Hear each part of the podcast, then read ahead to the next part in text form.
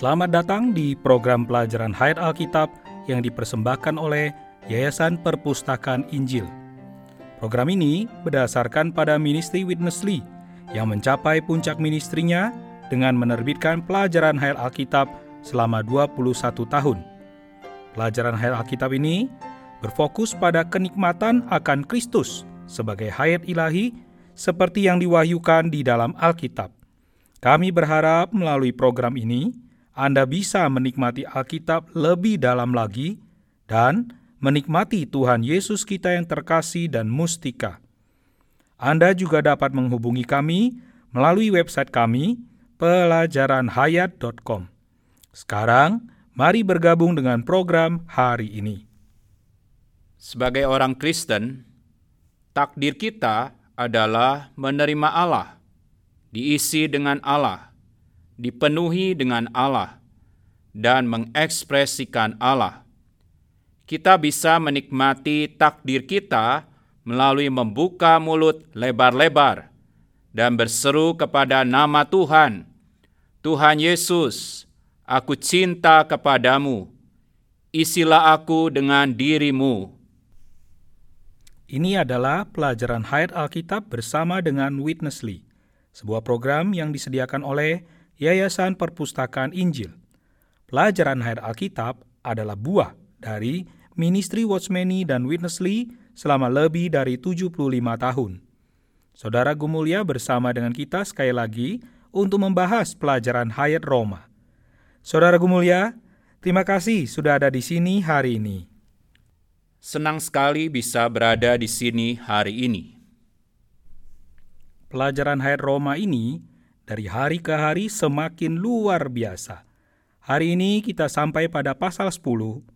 Tulisan Paulus pada bagian ini menjadi semakin dalam. Saudara Gumulia, kami ingin mengembangkan pemikiran pada bagian-bagian ini hari ini, terutama yang berkaitan dengan pasal 10. Apakah topik keseluruhan dari bagian ini? Topik keseluruhan dari ketiga pasal ini adalah pemilihan Allah dan penakdiran kita. Ini adalah topik yang luar biasa yang menunjukkan kepada kita bahwa pemilihan Allah adalah penakdiran kita. Di sini kita benar-benar bisa melihat bahwa takdir kita telah dipilih oleh Allah. Kita dipilih oleh Allah sebagai wadah Allah untuk menerima Dia, diisi dengan Dia, dipenuhi dengan Dia, mengekspresikan Dia untuk memenuhi kedambaan hatinya. Pemilihan Allah dan penakdiran kita semuanya terfokus pada Kristus. Pertama-tama, kita melihat Kristus sebagai akhir dari hukum Taurat. Kedua, kita melihat Kristus sebagai Dia yang berinkarnasi dan dibangkitkan. Ketiga, kita melihat Kristus sebagai yang sangat dekat dan terkasih. Dan keempat, kita melihat bahwa Kristus itu perlu dipercayai dan dipanggil namanya, agar kita bisa dipenuhi dengan Dia untuk memenuhi kedambaan hati Allah. Sangat disayangkan, kebanyakan orang Kristen, termasuk saya, selama bertahun-tahun memandang diri kita sebagai orang percaya hanya sebagai alat. Tetapi Allah memilih kita menurut kedambaannya adalah untuk menjadi bejana-bejana yang menerima dia, diisi dengan dia, dipenuhi dengan dia, sehingga kita dapat mengekspresikan dia. Jadi ini adalah bagian yang menyenangkan di dalam firman Allah, membawa kita kepada pemilihan Allah, penakdiran kita, dan bahkan membawa kita ke jalan di mana kita benar-benar dapat menikmati takdir kita dan masuk ke dalam poin utama pada bagian firman ini. Saudara Gumulia, terima kasih Anda telah menunjukkan bahwa tujuan Allah dalam memilih kita adalah untuk menjadi bejana-bejana yang diisi dengan Allah, bukan untuk menjadi alat yang dipakai oleh Allah seperti pemikiran kebanyakan orang, termasuk saya.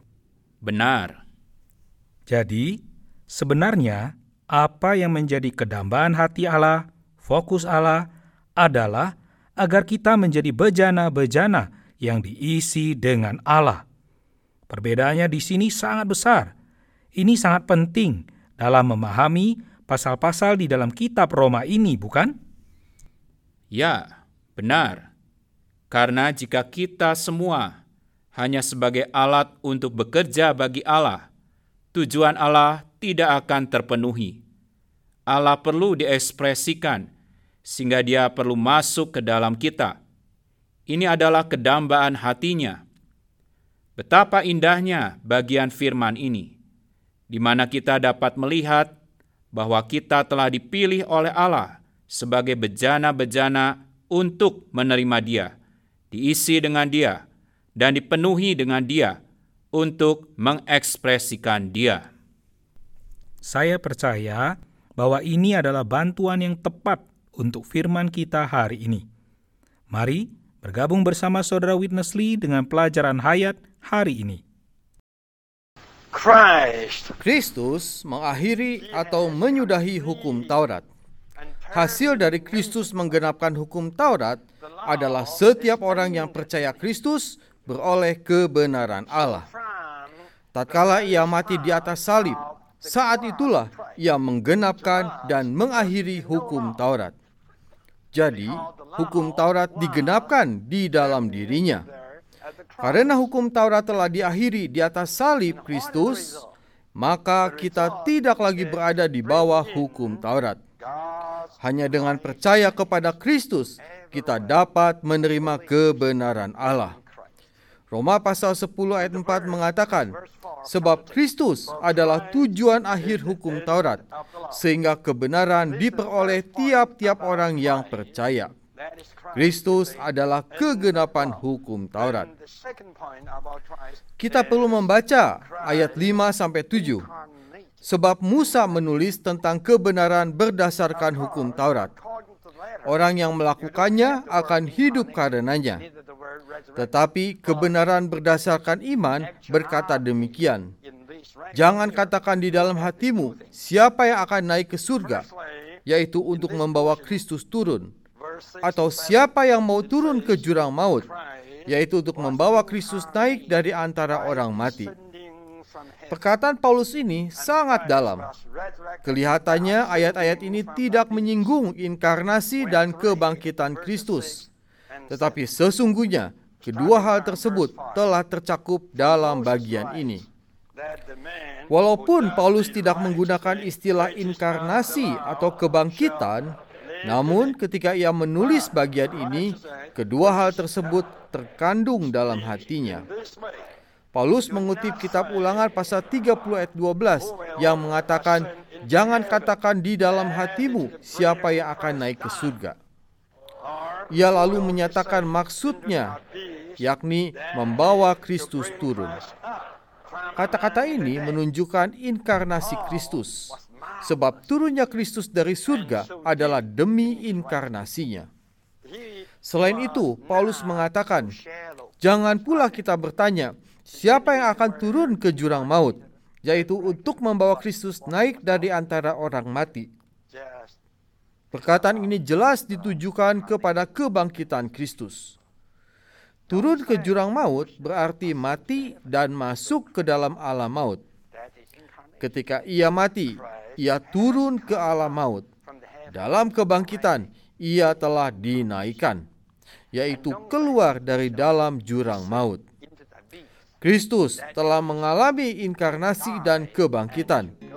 Karenanya, dapat kita katakan bahwa Ia adalah Kristus yang telah melalui proses, yaitu Kristus yang telah berinkarnasi dan bangkit.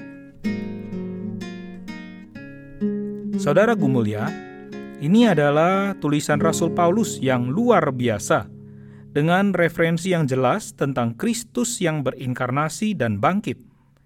Tolong bantu kami untuk melihat Kristus yang telah melalui proses di dalam bagian Roma ini. Telah melalui proses. Ketika kita mengatakan bahwa Kristus itu telah melalui proses, yang kita maksud adalah bahwa Kristus itu telah mengambil banyak langkah dan telah melalui suatu prosedur. Artinya, dia telah menjadi manusia, menempuh kehidupan insani, mati di kayu salib, bangkit, dan naik. Hari ini, dia tersedia sebagai roh itu. Itulah yang kami maksud dengan telah melalui proses. Dia telah melalui proses agar dapat dialami dan dinikmati oleh kita, dan agar dapat melaksanakan ekonomi Allah. Roma pasal 10 ayat 6 dan 7 ini benar-benar membawa kita kepada perkara inkarnasi dan kebangkitannya. Dengan kata lain, dia sedang melalui proses.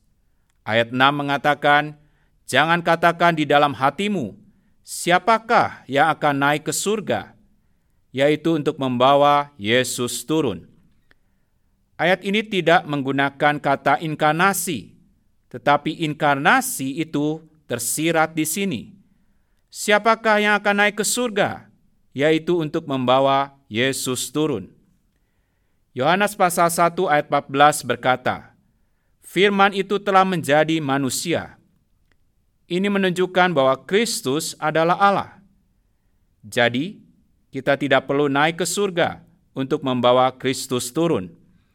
Kristus sendiri telah mengambil langkah ini dalam prosesnya, yaitu langkah inkarnasi yang luar biasa, yaitu mengenakan daging untuk menjadi manusia Allah.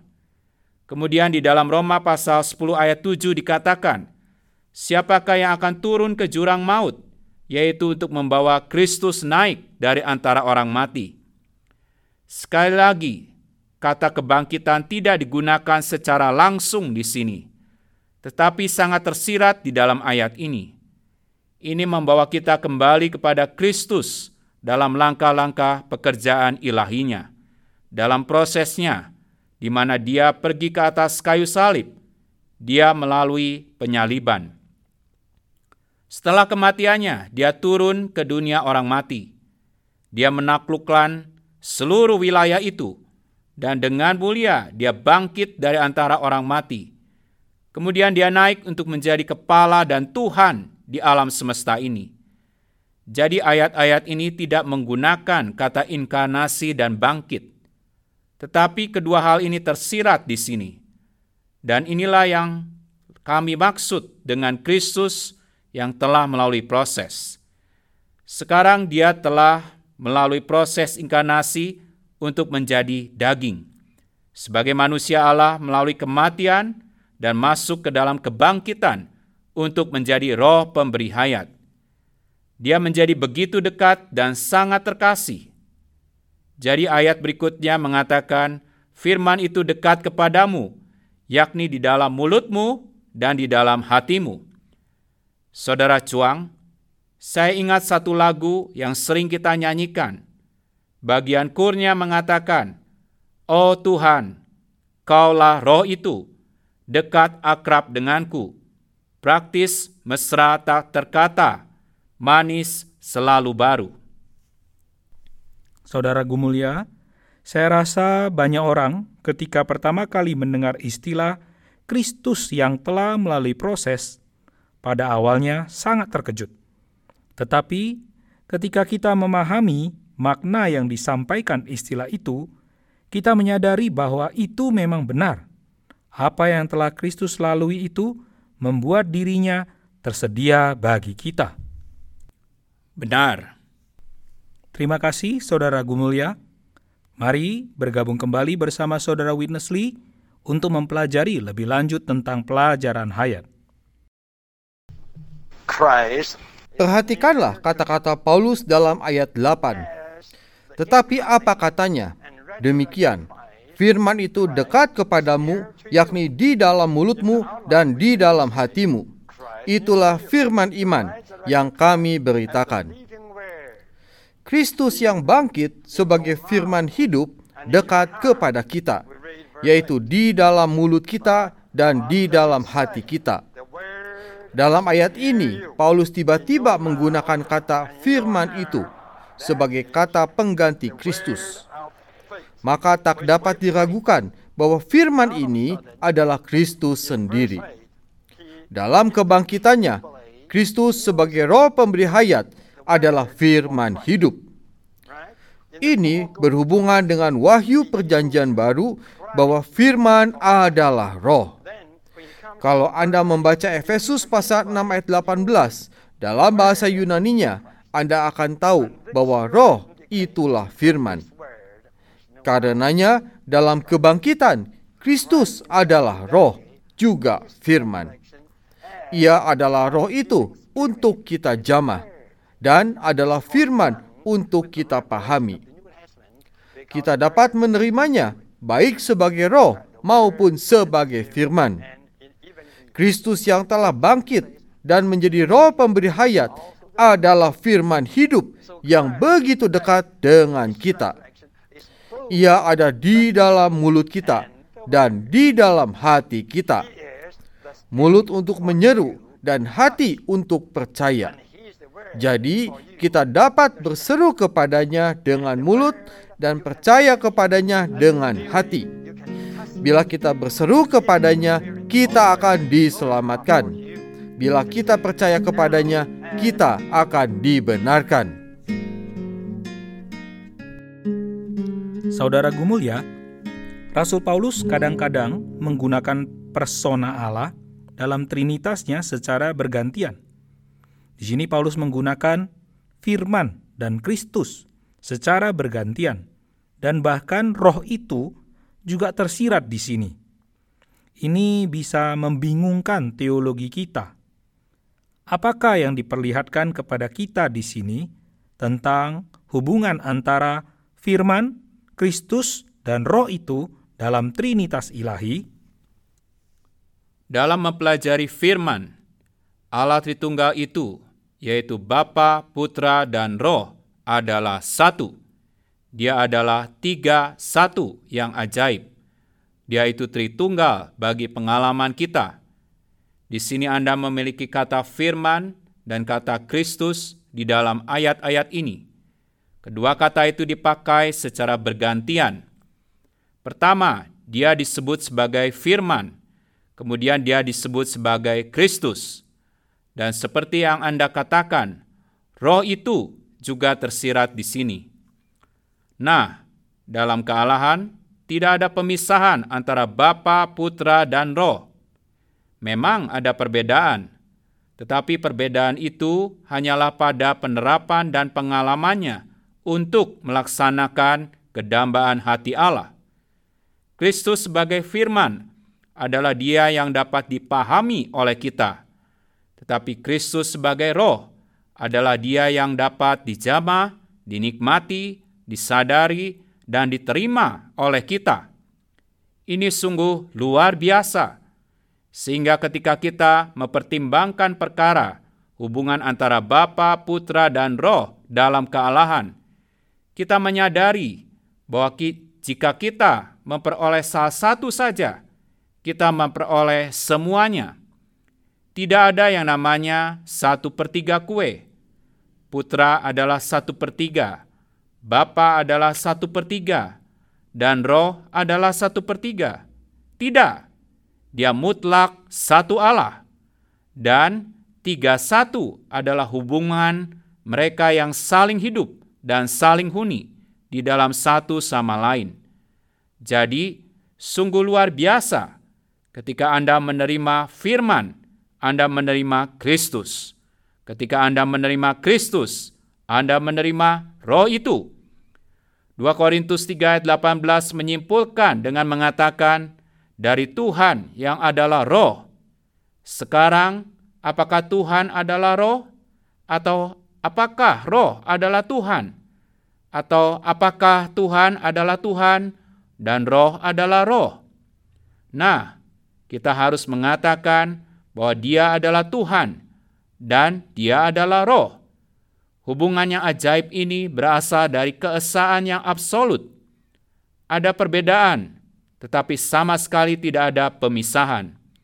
Ketika Anda mengalami salah satu, Anda mengalami semuanya. Dan ini adalah bagian kita untuk kenikmatan kita selama-lamanya. kita sangat gembira dapat mengalami Allah Tritunggal. Saudara Gumulia, saya sangat menghargai perkataan Anda tentang hal itu. Itu pertanyaan yang sukar dan sulit, dan tidak ada kata-kata manusia yang cukup memadai untuk dapat mengungkapkan hal ini. Tetapi, sewaktu Anda menerapkannya dalam ruang lingkup pengalaman kita, walaupun mungkin kata-kata kita kurang memadai dan sempurna, kita dibawa masuk ke dalam kenikmatan yang kaya akan Allah Tritunggal. Mari bergabung kembali bersama Saudara Witness Lee untuk menutup pelajaran hayat. Menyeru nama Tuhan bukan hanya untuk keselamatan, tetapi juga jalan bagi kita untuk menerima kekayaan Kristus. Ia kaya bagi semua orang yang berseru kepadanya. Ketika kita menyeru namanya, kita berbagian dan menikmati kekayaannya. Maukah Anda berbagian dan menikmati kekayaan Kristus? Jika Anda mau, janganlah Anda berdiam diri. Bukalah mulut Anda, serulah namanya. Dalam beberapa tahun terakhir ini, Tuhan telah mewahyukan kepada kita tentang menyeru namanya. Mari kita baca ayat 9 sampai 13. Sebab jika engkau mengaku dengan mulutmu bahwa Yesus adalah Tuhan dan percaya dalam hatimu bahwa Allah telah membangkitkan dia dari antara orang mati, maka engkau akan diselamatkan. Tetapi dengan hati orang percaya dan dibenarkan, dan dengan mulut orang mengaku dan diselamatkan. Karena kitab suci berkata, siapa saja yang percaya kepada dia tidak akan dipermalukan. Sebab tidak ada perbedaan antara orang Yahudi dan orang Yunani. Karena Tuhan yang satu itu adalah Tuhan dari semua orang, kaya bagi semua orang yang berseru kepadanya. Sebab siapa saja yang berseru kepada nama Tuhan akan diselamatkan.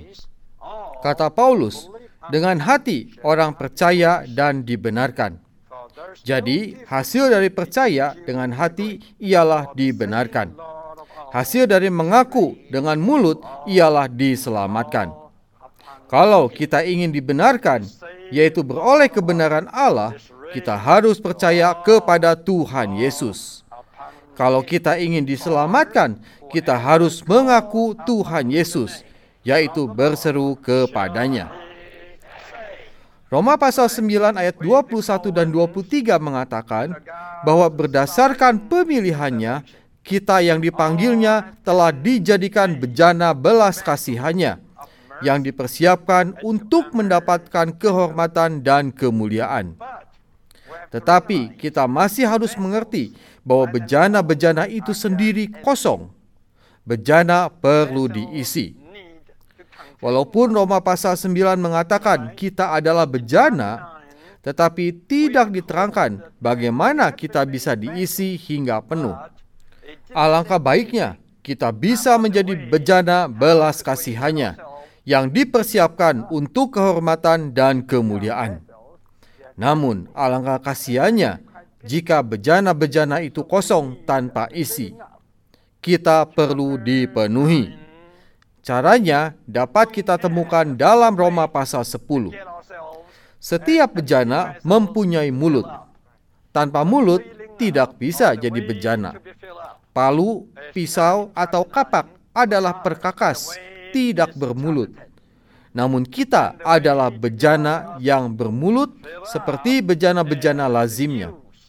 Tahukah Anda mengapa Anda memiliki mulut? Anda tercipta dengan diberi mulut agar Anda diisi dan dipenuhi dengan kekayaan Kristus. Mulut kita dibuat untuk menyeru nama Tuhan Yesus. Tuhan sangat kaya. Ia kaya bagi semua orang yang berseru kepadanya. Saudara Gumulia, hubungan di antara Trinitas Ilahi dan juga ilustrasi tentang bejana yang memiliki mulut untuk diisi itu sangatlah ajaib. Betapa ajaibnya firman Allah. Amin. perkara berseru kepada nama Tuhan bagi pengisian batin kita itu sepertinya sederhana, tetapi pengalamannya sangat luar biasa, bukan? Ya, benar. Anda tahu bahwa sebuah perkakas tidak memiliki mulut, tetapi bejana memiliki mulut. Setiap bejana memiliki bukaan untuk menerima, dan itu sangat indah. Sehingga dalam Roma pasal 9, konsep manusia sebagai bejana untuk diisi Allah itu membuat pasal ini menjadi sangat jelas.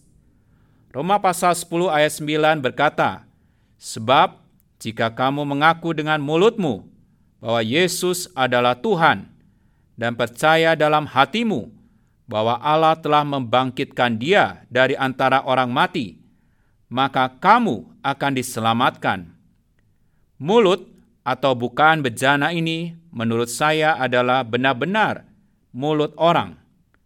Jadi, cara untuk dipenuhi dengan Dia adalah melalui menyeru namanya yang mustika.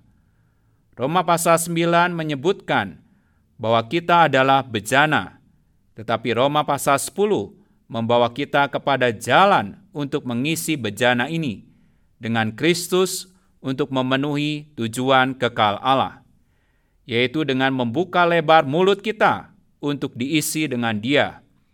Bahkan ada Mazmur yang mengatakan, "Bukalah mulutmu lebar-lebar, dan aku akan memenuhinya." Bukankah itu sangat mustika? Kemudian Roma pasal 10 ayat 13 berkata, Sebab barang siapa yang berseru kepada nama Tuhan akan diselamatkan. Ketika Anda menggabungkan semua ayat ini, Anda akan menyadari kenikmatan yang sejati akan Kristus sebagai dia yang telah melalui proses, dan yang hari ini adalah roh pemberi hayat yang ajaib dan al-muhid. Kenikmatan yang sejati akan dia adalah melalui berseru kepadanya untuk dipenuhi dengan dia.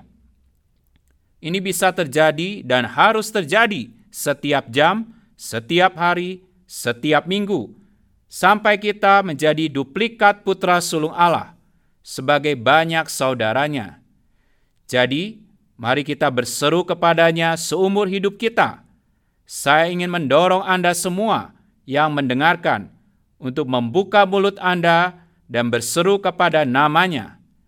Anda juga dapat berkata, Tuhan Yesus, aku cinta padamu. Penuhi aku dengan dirimu sendiri. Saudara Gumulia, saya ingin memberikan kesaksian singkat.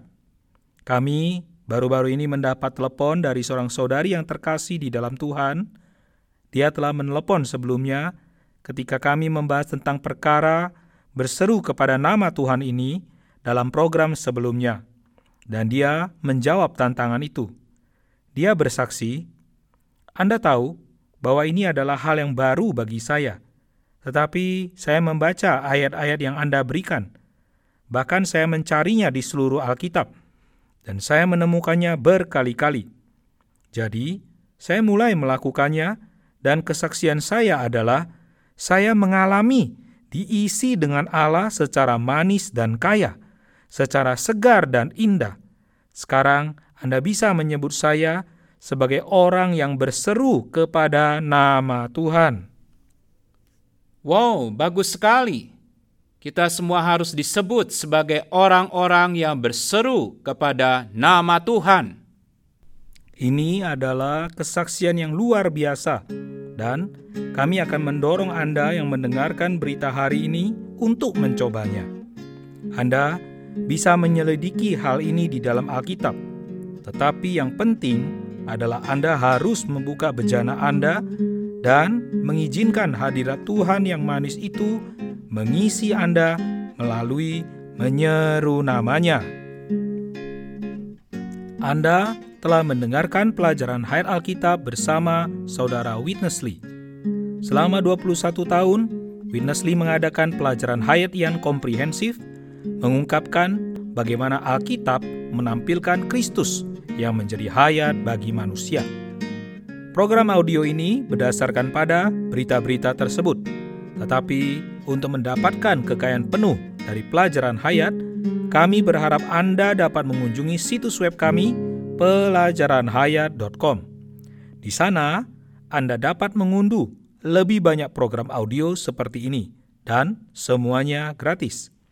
Sekali lagi, situs webnya adalah pelajaranhayat.com.